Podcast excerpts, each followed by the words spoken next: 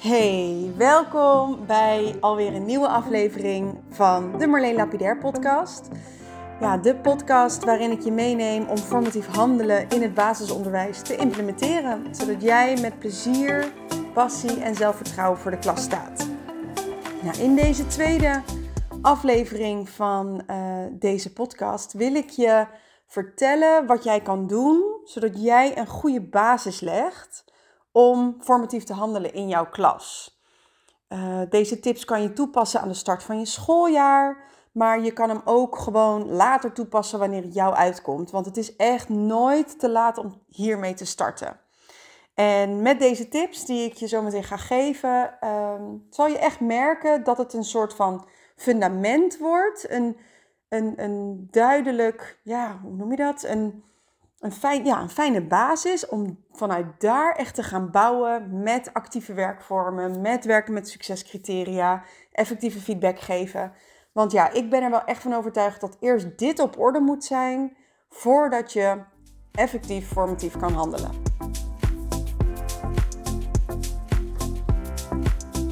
Ja, waarom maak ik deze aflevering? Nou, dat is omdat ik best wel veel leerkrachten hoor klagen dat hun leerlingen onderuitgezakt aan het werk zijn. Echt leerlingen die zuchten wanneer ze aan de slag moeten of zuchten van, oh, moeten we dit nou weer doen? Of... En dan, dan vraag ik me dan af van, ja, hoe komt dat toch? Wat, hoe komt het dat leerlingen zich zo gedragen? Wat doen wij als leerkrachten waardoor zij dat gedrag vertonen? Of is het iets intrinsieks waar we geen invloed op hebben? Nou, ik ben er echt van overtuigd dat jij er als leerkracht echt wat aan kan doen om dit te voorkomen. Nou, in deze podcastaflevering neem ik je mee uh, waar ik eigenlijk in mijn groep veel tijd aan spendeerde, waardoor ik echt actieve en betrokken leerlingen had. En zij alleen in hele hoge uitzondering onderuit gingen hangen. Gewoon tijdens het chillen, zeg maar.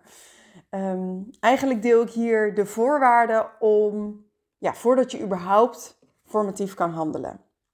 En dat begint met jouw mindset. En sommige leerkrachten die dit nu luisteren denken, oh, komt ze weer met je mindset.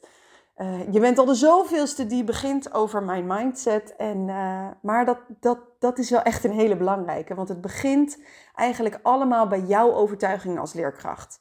Het is echt heel belangrijk om zelf stil te staan wat jij uitstraalt als jij voor de klas staat. Want wat jij uitstraalt, wordt echt allemaal gevoed door jouw set van overtuigingen. Bijvoorbeeld, waar kijk je naar? Of hoe kijk je? Uh, krijg je wel eens te horen dat je streng kijkt of dat je boos kijkt? Uh, zijn je wenkbrauwen omlaag? Zijn je wenkbrauwen omhoog? Um, kijk je de kinderen aan terwijl je praat? Of kijk je over hen heen? Of kijk je vaak naar een bepaalde hoek in je, in je klas?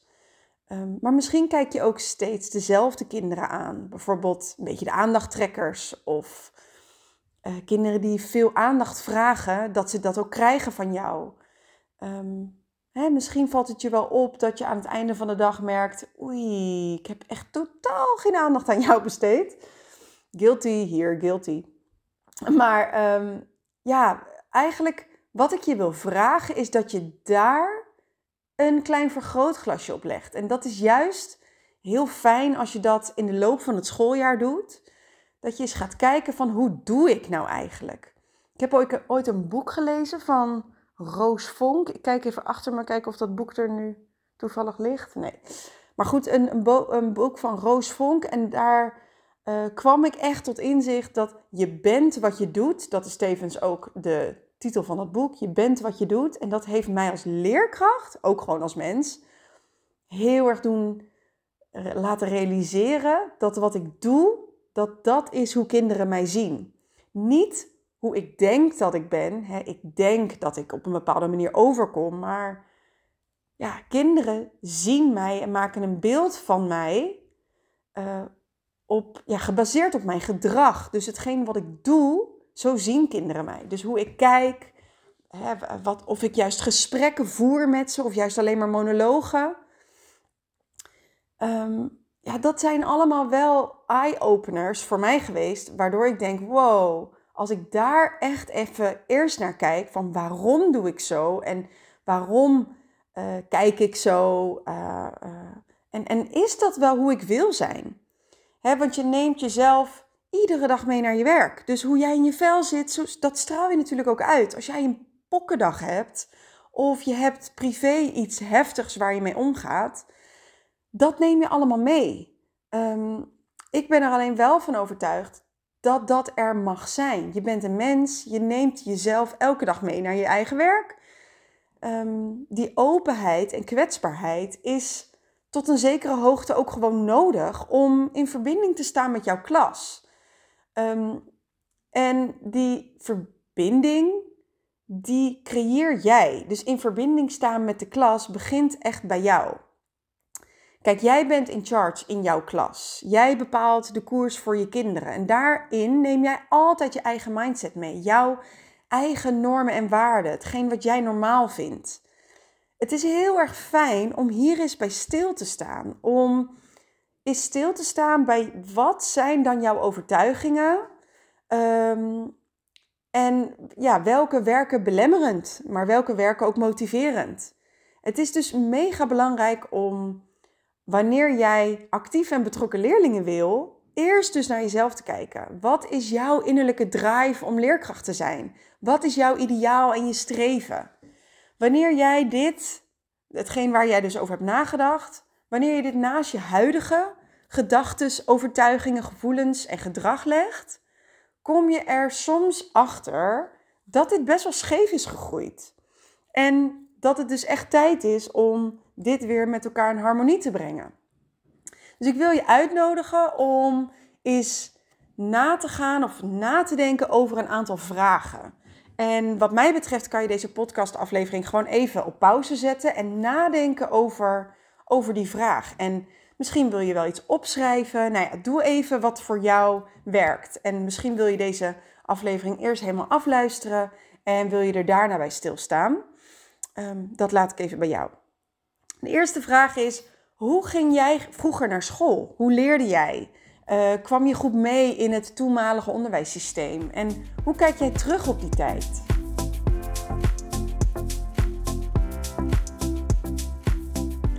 En de tweede vraag is: waarom ben jij leerkracht geworden? Wat is het dat jou dit werk heeft getrokken? Waarom? Nou ja, als ik eraan denk, brengt het bij mij in ieder geval een lach op mijn gezicht. Maar het is heel goed om na te denken over waarom ben jij leerkracht geworden.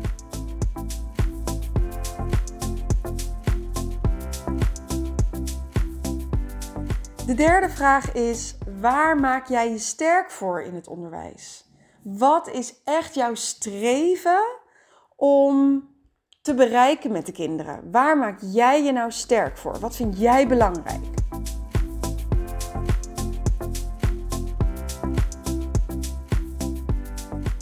Nou, vraag 4. Wat is jouw grote droom voor jouw leerlingen? Wat wil jij nou dat zij het echt, wat, wat zij bereiken in jou, uh, in de tijd dat jij hun leerkracht bent? Wat is jouw grote droom voor jouw leerlingen?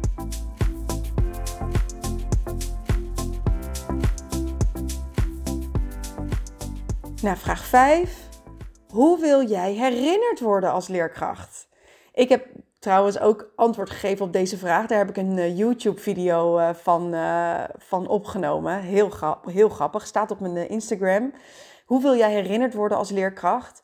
Nou ja, ik wilde wel echt als leerkracht herinnerd worden dat leerlingen zouden terugkijken op een hele fijne tijd. Dat ze veel hebben geleerd, maar dat het altijd ja, met een lach gebeurde. En dat het met plezier ging. En dat er ook altijd tijd was niet altijd, maar dat er vaak tijd was voor een grapje.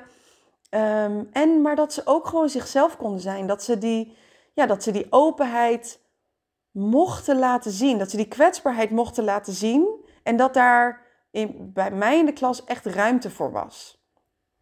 Uh, geduldig was niet echt mijn sterkste kant, kan ik je vertellen. Dus nou, een geduldige leerkracht is niet iets waaraan ze mij uh, zullen herinneren. Dus nou, aan jou de vraag: hoe wil jij herinnerd worden als leerkracht?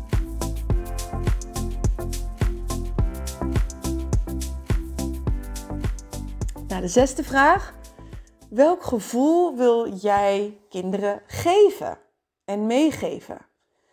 En focus je dan echt op het gevoel. Want gevoel is zoveel sterker dan cognitieve vaardigheden en cognitieve hè, dingen die je de kinderen wil meegeven. Maar welk gevoel wil jij de kinderen geven en meegeven in jouw klas?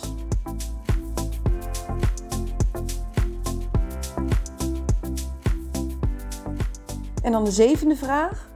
Welke kwaliteiten bezit jij al om de eerdere vragen en de eerdere antwoorden te realiseren? Wat doe jij al? Wat weet jij al? Ik ben er wel een kleine side note van overtuigd dat iets weten ergens over. Ik, ik weet dat ik uh, uh, bepaalde eigenschappen moet hebben als leerkracht, maar er echt naar handelen. Je bent wat je doet. Hoe handel je daar nu al naar? Dus welke kwaliteiten bezit jij al? Oftewel, wat doe jij al om nou ja, die antwoorden die je net hebt gegeven te realiseren? Denk daar even over na.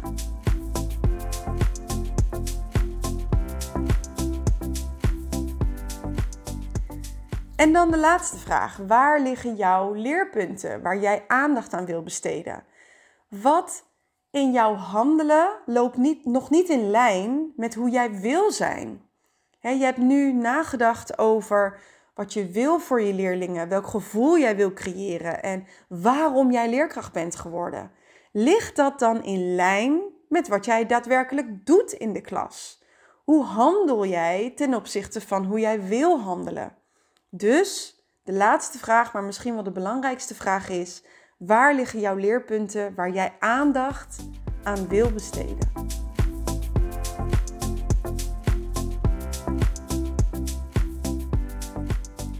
Nou, na het beantwoorden van deze vragen, ehm, denk ik dat het je al een heel stuk helderder is geworden of jij handelt naar jouw ideale beeld. En dat hoeft niet in één klap helemaal soort het perfecte plaatje te zijn, maar dat kan echt stap voor stap. En de eerste stap die je daarin kan maken is dat je, dat je gaat kijken, hey, hoe, wat, wat, wat is nou het eerste stapje wat ik morgen kan doen om meer naar mijn ideale beeld te handelen? Dat is misschien al ehm, meer ruimte geven aan de kinderen dat ze hun verhaal kunnen doen. Of juist meer grenzen aangeven. Want ik merk dat ik een, een relaxte leerkracht wil zijn, maar ze gaan steeds over mijn grenzen heen. Dus ik wil juist duidelijkere grenzen aangeven. Nou, ik heb daar een hele fijne, ja, een heel fijn drieluik voor. Ik zie het een beetje als een soort van driedelig Venn-diagram. Een Venn-diagram zijn eigenlijk twee cirkels bij elkaar met een soort overlap. Hele leuke werkvorm ook trouwens in de klas twee situaties uh, met elkaar te vergelijken. Maar even weer terug. Ik zie um, nou ja, tips die je gelijk kan toepassen de volgende dag in, in jouw lesgeven. Om na te denken over deze drie woorden. Dat zijn namelijk vertrouwen, verbinding en grenzen. Vertrouwen, verbinding en grenzen. Dit zijn echt, naar mijn mening, de drie verzamelwoorden wat kinderen van jou nodig hebben als leerkracht, maar ook als mens.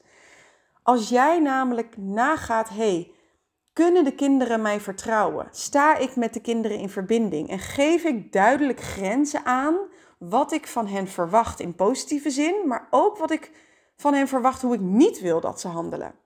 Ik ben er echt van overtuigd dat deze drie onderdelen, onderwerpen, ehm, ertoe gaan bijdragen om jou de volgende dag een betere leerkracht te laten worden. Want waar ligt jouw leerpunt? Is dat meer het vertrouwen geven? Of is dat juist meer verbinding staan? Of juist die, ja, die verbinding wat meer bewaken? Of juist veel meer die grenzen? Nou, ik ben ervan overtuigd dat alle facetten van formatief handelen pas kunnen uitgevoerd worden, pas uitgevoerd kunnen worden, als je hier aandacht aan besteedt. En ik ben ervan overtuigd ook dat als je aan deze drie onderdelen denkt, dat dat bijdraagt aan jouw ideale leerkracht zijn.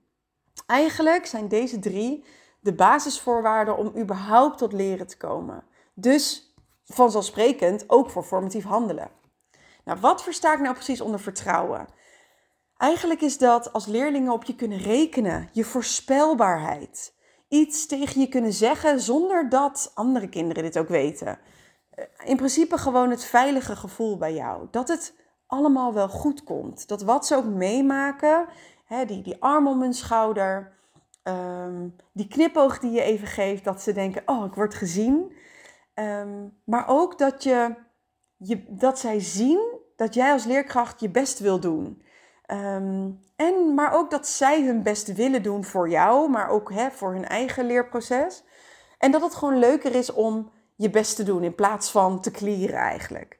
Dus dat vertrouwen is echt hè, al, samengevat als leerling op jou kunnen rekenen. Nou, onder verbinding versta ik die connectie met elkaar. Als leerling zien dat jouw leerkracht zijn of haar best doet voor je. Iets harder voor de ander willen werken. Um, maar ook verrassende dingen over elkaar te weten komen. Um, in een, bijvoorbeeld een energizer of in een uh, kennismakingsspel. Dat je, ja, dat je ineens denkt als leerkracht of als leerling: Oh, dat wist ik nog niet over jou. hey, nu, nu kennen we elkaar gewoon weer een beetje beter.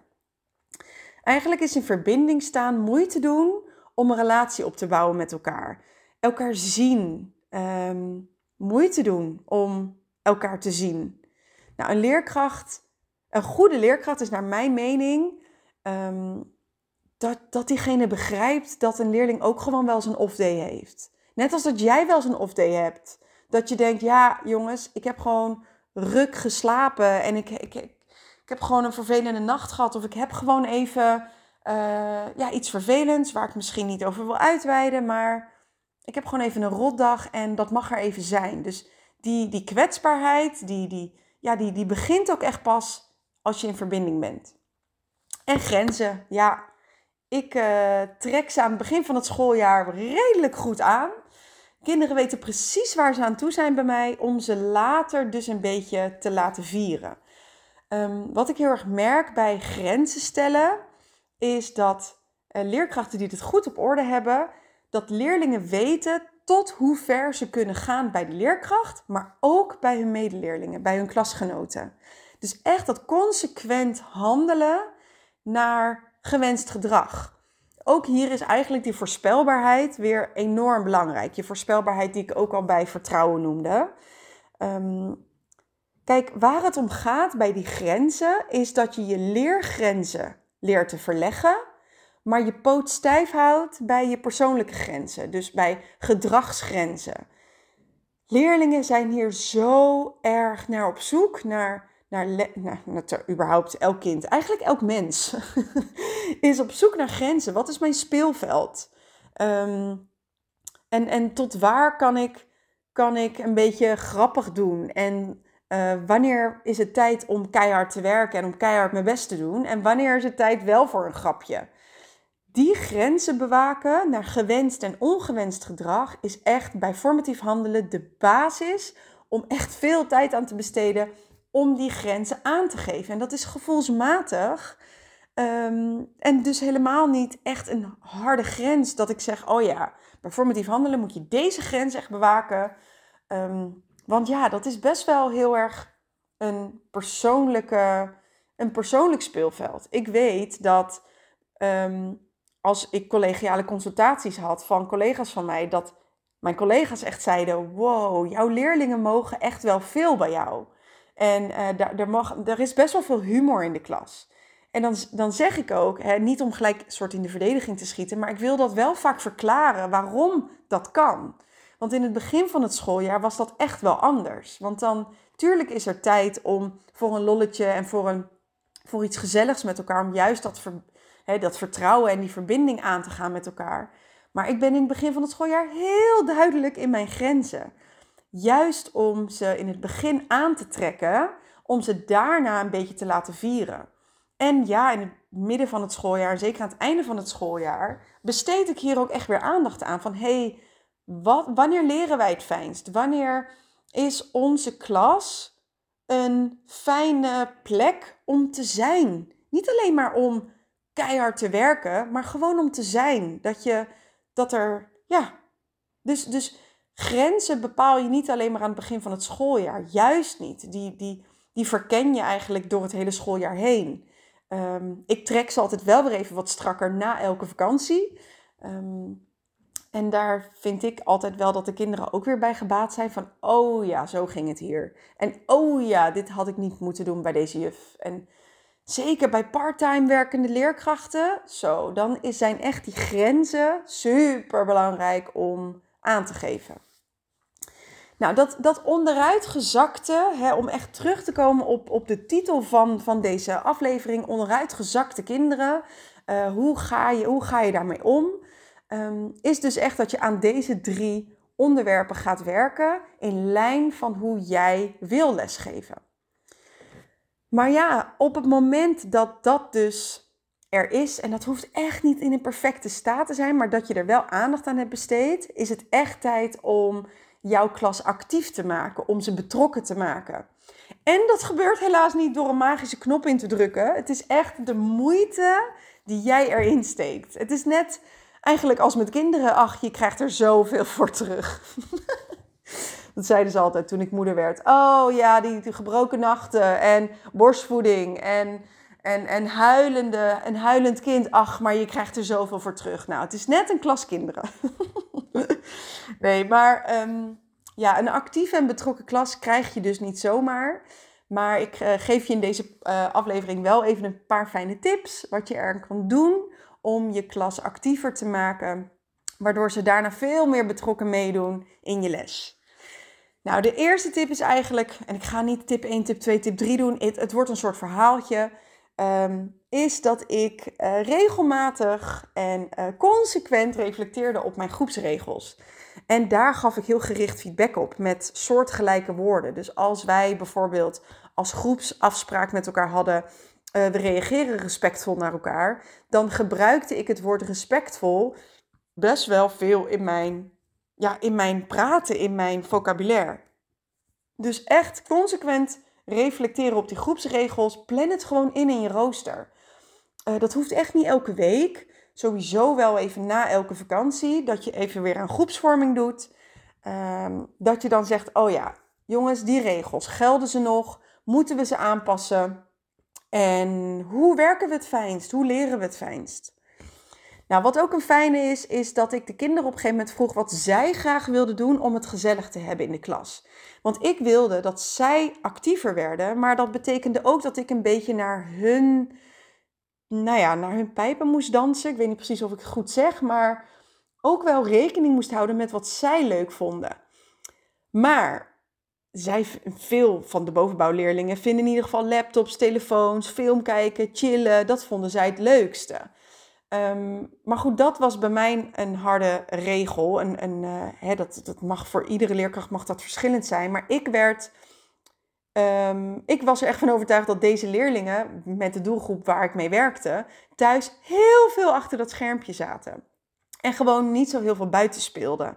Dus ik wilde juist dat ze, als ze iets leuks deden, als ze iets leuks mochten kiezen, dat dat juist in verbinding stond met elkaar. Dus bijvoorbeeld groepspelletjes. Uh, wilden ze langer buiten spelen, maar niet gewoon vrij buiten spelen, maar wel even een groepspel samen doen. Of uh, in tweetallen, lekker samen kleuren. Uh, vaak was het iets heel kneuterigs. En dan was het eigenlijk ook heel schattig dat je leerlingen daar dan heel blij van werden. En natuurlijk gaf ik dan suggesties, maar ja, als ik wil dat zij actiever werden, moest ik ook rekening houden met wat zij graag willen doen dan. Nou, wat ik uh, op een gegeven moment, uh, toen dat ook wel een beetje steeds hipper werd, geloof ik, een paar jaar terug, uh, ben ik op een gegeven moment gaan mediteren met de kinderen. Echt ademen naar je buik, um, letten op je ademhaling, um, kijken wat het met je doet, een beetje naar binnen keren, luisterverhalen luisteren. Uh, maar ook gewoon echt meditatieoefeningen doen met de kinderen. Er zijn gewoon meditatie-app. Ik heb dan toevallig meditation en daar heb je gewoon kindermeditaties.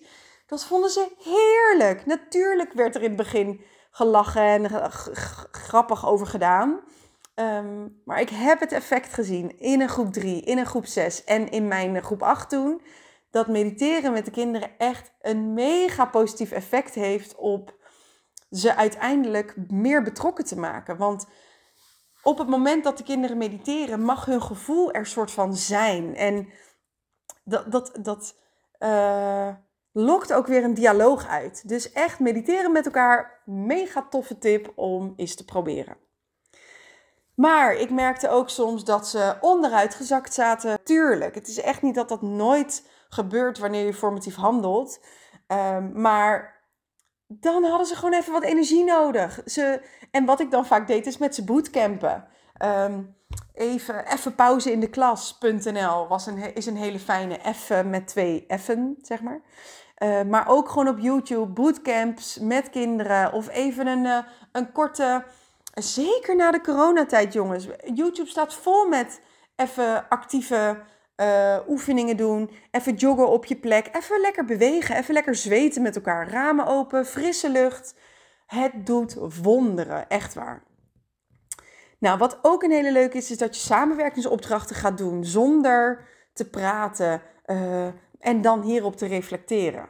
Dus die samenwerkingsopdrachten, hè, een hoepel, dus eerst allemaal in een kring staan, handen vast met elkaar, handen niet loslaten. Dan komt er een hoepel in het spel, dus om de arm heen. Dus nou ja, een tweetal moet even handen loslaten, dan komt er een hoepel en dan is die hoepel ineens in het spel. En dan moeten ze zeg maar uh, van de ene naar de andere persoon die hoepel laten doorlopen. Nou, dat soort energizers, internet staat er vol mee. Kan ik ook nog wel eens een podcast over opnemen. Um, ik wil hiermee zeggen dat juist die samenwerkingsopdrachten onwijs bijdragen bij een actieve klas, om ze daarna veel actiever mee te laten doen in je les. Nou, die energizers, daar heb je echt een, best wel heel veel soorten van. Concentratiespelletjes of juist stilte, meer het mediteren, maar ook juist heel erg het bewegen, het actief bewegen, zoals die bootcamps. Je hebt echt energizers op, in heel veel verschillende soorten en maten. Um, zelf gebruikte ik vaak die energizer kaarten. Waarbij um, je even gewoon zo'n kaart kon trekken. En ik maakte dan van tevoren altijd een selectie. Uh, met welke echt in vijf minuten kon. Of, hè, want dat is dan altijd wel irritant. Dat je dan iets doorleest en dat je denkt, ja, uh, ik heb echt maar vijf minuten. Um, uh, en in die vijf minuten moet het gewoon even gebeuren. En daarna wil ik gewoon verder met mijn andere lessen. Um, dus kijk ook even naar kaarten die er zijn. Je hebt vijf minuten spelletjes. Uh, ik heb dan gewoon een, een Energizer kaartenspel met Energizer kaarten uh, voor kinderen. En je hebt hier heel veel soorten van. En nou, ik heb hier een blog over geschreven. ik zal hem ook eventjes in de, in de informatie over deze aflevering zetten. Een linkje naar, naar, deze, naar, deze, naar deze blog. waarin ik ook even een paar linkjes deel over ja, wat, wat nou een fijne verzameling is, wat nou fijne bronnen zijn om uh, te gebruiken als energizers. Nou, wat ik hier echt mee wil zeggen is dat om het leerproces überhaupt centraal te kunnen stellen, moet de band met jouw leerlingen en jou natuurlijk echt goed zijn. Die kwetsbaarheid en die, die vriendelijkheid, je, je, uh, die verbinding, uh, dat is echt wel heel erg belangrijk. Een belangrijk element. Die echt, die, echt dat drieluik. Het, ik moet even terugkijken. Uh, vertrouwen, verbinding en grenzen. Dat zijn echt de drie pijlers waarop ik je echt wil uitnodigen om te kijken van... hé, hey, waar liggen mijn leerpunten en waar kan ik tijd aan besteden? Zodat ik actieve en betrokken leerlingen krijg. Het is dus echt belangrijk uh, om je af te vragen hoe jij hier in de wedstrijd staat. En ben je bereid om hierover na te denken? Want ik ben er echt van overtuigd dat dat begint bij jouw leerkracht handelen. Uh, en jouw handelen komt weer voort uit jouw overtuigingen en jouw mindset. Dus als jij die vragen hebt beantwoord, nu al in deze podcast, dan ben je echt al goed op weg. Want dan heb je hier al over nagedacht. En ik heb dit eigenlijk op de Pabo en in het begin van mijn carrière helemaal nog nooit over nagedacht. Ik ging gewoon met de flow mee. En ik ben er echt, nou ja, ik zeg het, ik val een beetje in herhaling, maar dat dit echt een soort basis is om je formatief handelen te implementeren. Um, ja, dus je voorkomt onderuitgezakte leerlingen door na te denken over jouw overtuigingen, waarom jij voor de klas wil staan en om energizers in te zetten. Waardoor verbinding, um, vertrouwen en grenzen goed ontwikkeld kunnen worden, maar ook verkend kunnen worden. Nou, wil je hier nou meer tips over? Uh, lees dan even mijn blog. Uh, daarnaast heb ik ook een leuke videotraining. Zo stel jij het leerproces centraal. En daarin neem ik je mee in een kleine anderhalf uur om uh, meerdere tips om formatief handelen toe te passen in jouw klas. En daarbij geef ik dus ook voorbeelden hoe je de voorwaarden goed kan implementeren in je lesgeven. Deze videotraining is echt niet een soort one size fits all, maar meer een soort buffet van effectieve leerkrachtstrategieën in jouw leerkracht handelen waar jij uit kan kiezen. Je houdt altijd toegang, dus je kan ook hem later eens terugkijken. En uh, nou ja, de link kan je vinden in uh, mijn podcastaflevering, maar ook op mijn Instagram, marleen.traineleren. Nou, ik wil je onwijs bedanken voor het luisteren van deze podcast. Uh, ik hoop dat je het tof vond. Laat me vooral weten wat je ervan vond. En dan um, nou, zie ik je hopelijk in de volgende aflevering. Doei!